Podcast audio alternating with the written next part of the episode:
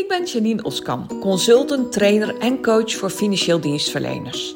In mijn bedrijf help ik mensen uit mijn branche om het maximale uit zichzelf en hun business te halen. En ik maak Vitale Praat, de podcast om jouw inzichten te geven waarmee je eenvoudig en praktisch aan de slag kunt, zodat ook jij winst boekt op alle fronten. Ben je op zoek naar inzichten en strategieën waarmee je rust in je hoofd, overzicht in je agenda en energie in je lijf krijgt? Dan ben je op de juiste plek. Laten we snel beginnen. Welkom bij deze nieuwe aflevering van mijn podcast. Superleuk dat je weer luistert. Op dit moment zit ik heerlijk met mijn voeten in de zon in mijn tuin.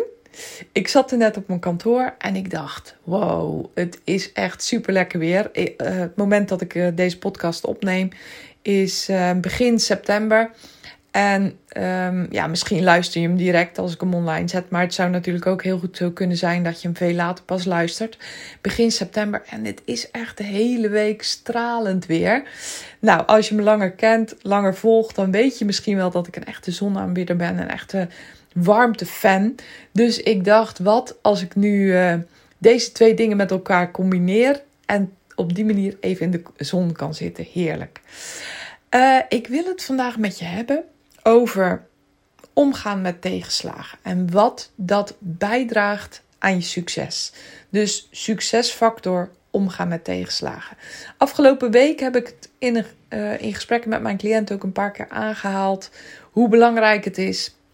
En ik dacht, uh, ik wil jou eigenlijk ook even meenemen in het verhaal wat ik vaak vertel op het moment dat ik het hierover heb. En nou, ik hoor vaak terug dat het inzicht geeft en dat het ook um, aanzet tot actie om inderdaad beter te kunnen omgaan met tegenslagen. Nou, het zal je niet verrassen dat het te maken heeft met veerkracht en weerbaarheid. He? Uh, het vermogen om inderdaad die tegenslagen te doorstaan, om terug te kunnen veren, is hartstikke belangrijk om je doelen te bereiken, om succesvol te zijn.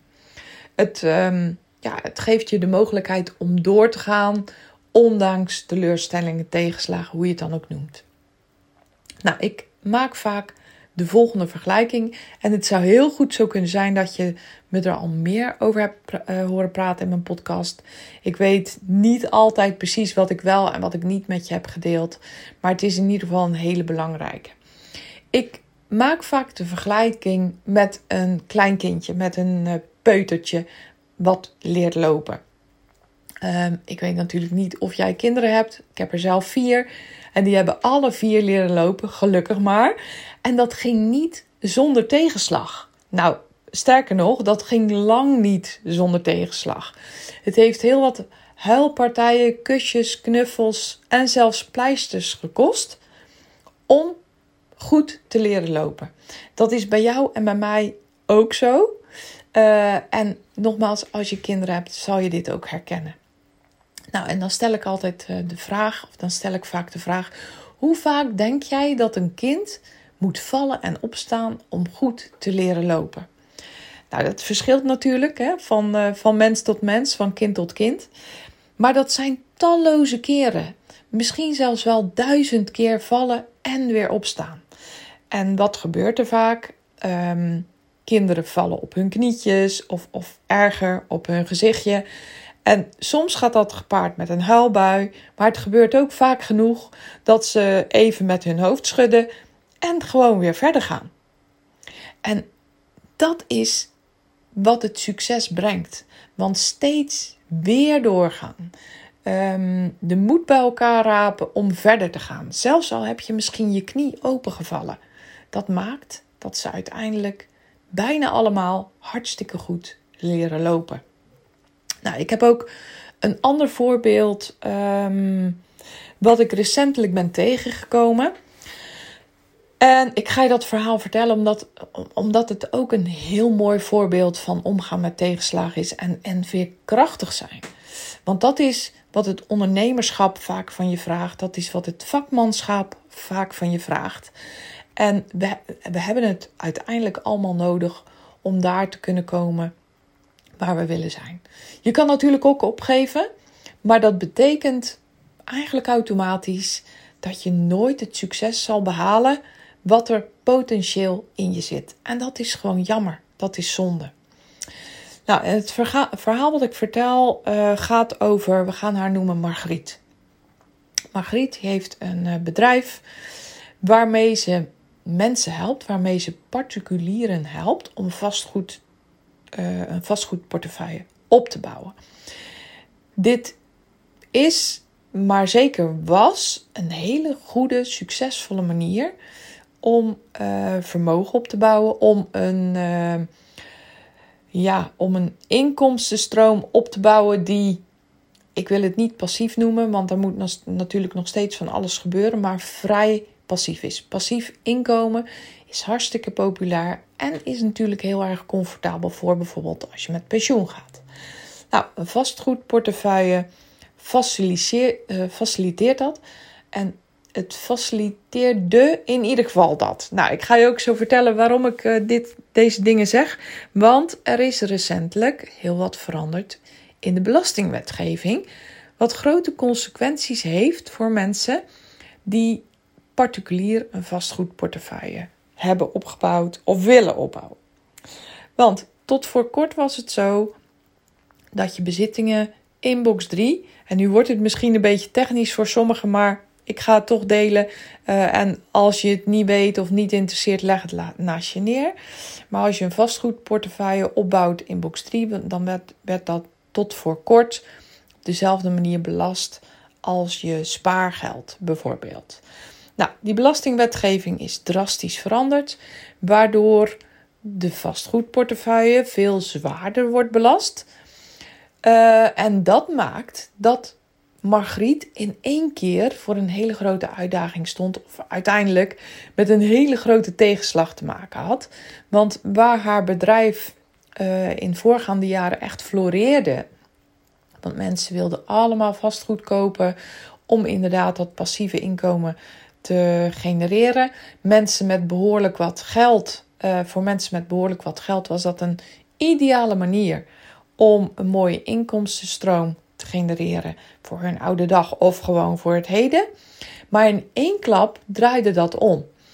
En zij zat eigenlijk in één keer zonder cliënten. Zij zat in één keer duimen te draaien achter haar bureau. En ja, dat was voor haar natuurlijk een enorme tegenslag. Want het, het is haar bron van inkomsten. Het is haar business. Um, nou, bij Margriet is het zo dat zij echt wel met de handen in het haar heeft gezeten. Echt wel buikpijn heeft gehad. Uh, maar door haar veerkracht, door haar weerbaarheid en ook door haar doorzettingsvermogen, heeft ze haar business omgebogen naar iets uh, totaal anders. Tenminste, niet totaal anders, maar um, ja, ze is zich gaan verdiepen in crypto. Dat is een heel andere tak van sport. Uh, ze is zich daar echt op gaan toeleggen. En op dit moment heeft ze een uh, mooie portefeuille in de crypto uh, branche. In de crypto business. Nou, daar mag je van vinden wat je daarvan vindt. Uiteraard, hè, want niet iedereen Uh, ja, iedereen heeft daar een mening over, laat ik het zo zeggen. En dat mag natuurlijk. Maar wat ik aan je wil laten zien, is doordat ze niet is stil blijven zitten, doordat ze niet bij de pakken is gaan neerzitten, doordat ze niet huilend op een steen is blijven zitten, is haar business weer succesvol in nou, relatief heel korte tijd. Ze had gelukkig wat reserves. Hè. Door haar grote succes in de voorgaande jaren had ze reserves opgebouwd, waardoor ze ook een tijdje zonder inkomsten kon overleven. En nu heeft ze alweer zo een mooie bedrijf opgebouwd, ja, dat ze weer kan voorzien in haar inkomsten. Nou, dat komt omdat ze ook um, kwetsbaar durfde te zijn. Ze is niet star gebleven. Ze heeft flexibiliteit getoond. Uh, door te zeggen van ja, dit gaat niet 1, 2, 3 veranderen. Ik kan niet hier blijven stilstaan, want ja, dat zal mijn ondergang worden. En door echt aan te passen, flexibel te zijn en um, niet vast te lopen. Ja, nogmaals, dat heeft ze wel even ge gehad. Maar uiteindelijk is ze doorgegaan. Ze is Ze heeft de stoute schoenen aangetrokken. Heeft zich in korte tijd heel erg verdiept in haar nieuwe vakgebied, de crypto. En is daarop verder gegaan. Ze heeft ook echt goed naar zichzelf gekeken. Van wat past bij mij. In het begin wist het helemaal niet. Ze zei: Joh, dit is wat ik kan. En ik zou niet weten wat ik nog meer zou kunnen. Maar dat is natuurlijk onzin. Want iedereen heeft meerdere kanten in zich. Als ik kijk naar mezelf, hè, ehm, nogmaals, als je me al langer volgt, als je me wat beter kent, dan weet je dat ik meer dan 30 jaar in de assurantie- en hypotheekbranche heb gewerkt. Ik durf te zeggen, zonder arrogant te willen zijn, dat ik goed was in mijn vak. Maar um, verschillende omstandigheden, verschillende gebeurtenissen in mijn leven hebben gemaakt dat ik een switch heb gemaakt. En ik ben nu succesvol consultant, trainer en coach. Ook daarover wil ik niet arrogant doen, maar ik weet dat het zo is. Um, en dat is totaal wat anders. Een mens is niet maar één kant. Een mens is nooit maar één kant. Maar je moet naar jezelf durven kijken. Je moet de uitdaging durven aangaan. Vaak is een, uh, ja, is een situatie zoals ik die schets bij Margriet. Natuurlijk, dat dwingt je ertoe. En dat kan je ook verlammen. Dat kan ook maken dat je uh, echt in de freeze schiet, in de verlammingsstand schiet. Maar daag jezelf uit om weer in actie te komen. Daag jezelf uit om verder te gaan. Om na het vallen gewoon weer op te staan. In de wetenschap dat je misschien nog wel talloze keren gaat vallen, op je snuit valt, noem, noem ik het altijd. Maar als je het vermogen hebt om na het vallen ook weer op te staan, dan zal je dat altijd succes geven. En misschien niet in één keer, misschien ook niet in twee keer, maar zeker en vast nadat je talloze keren de teleurstelling hebt, uh, hebt aangepakt. ik zoek naar woorden. Um, goed naar jezelf hebt durven kijken.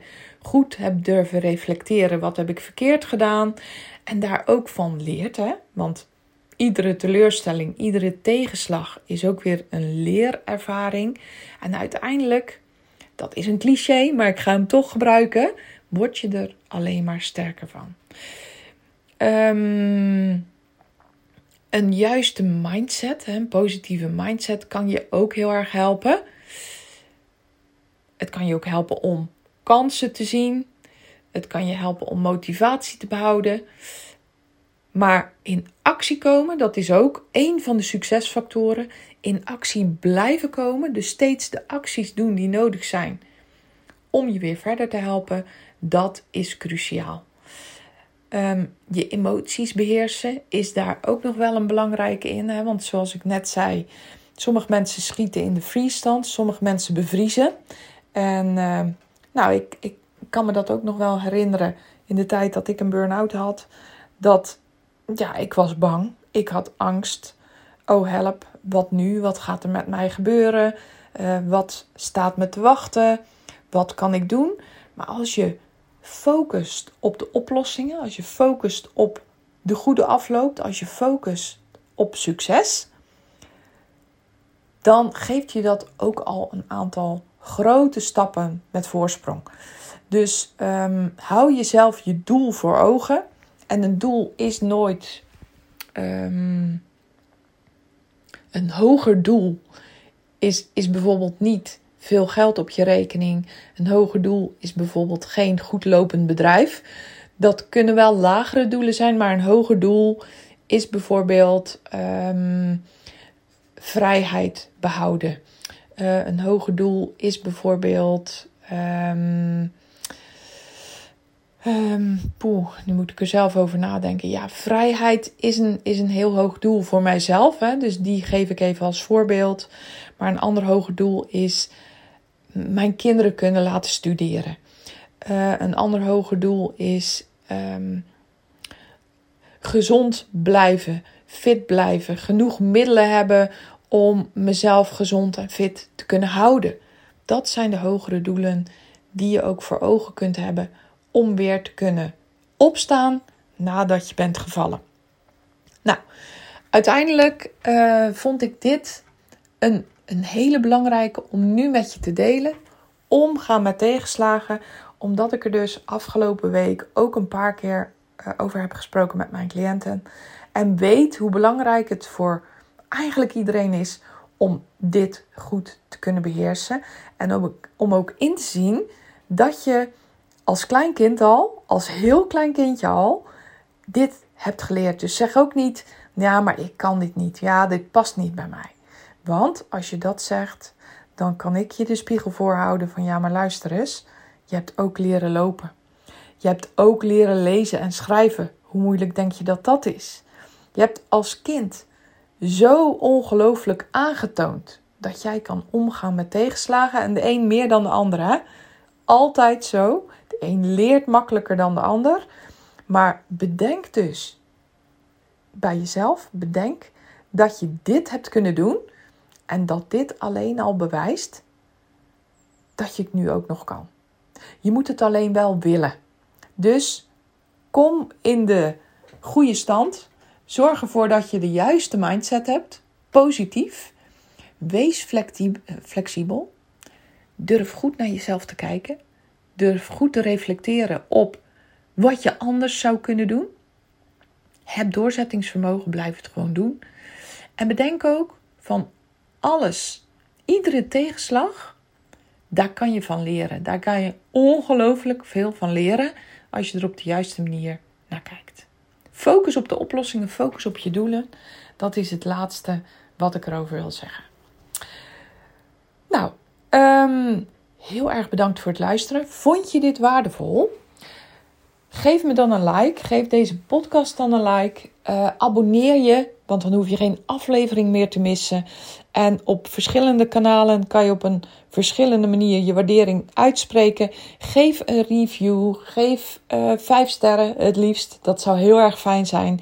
Deel deze podcast met anderen, zodat er zoveel mogelijk mensen van kunnen leren. Je zou mij er ook heel erg mee helpen, want mijn doel is, mijn missie is om zoveel mogelijk mensen te leren om slimmer te werken, slimmer te ondernemen, ehm, min, meer te doen in minder tijd.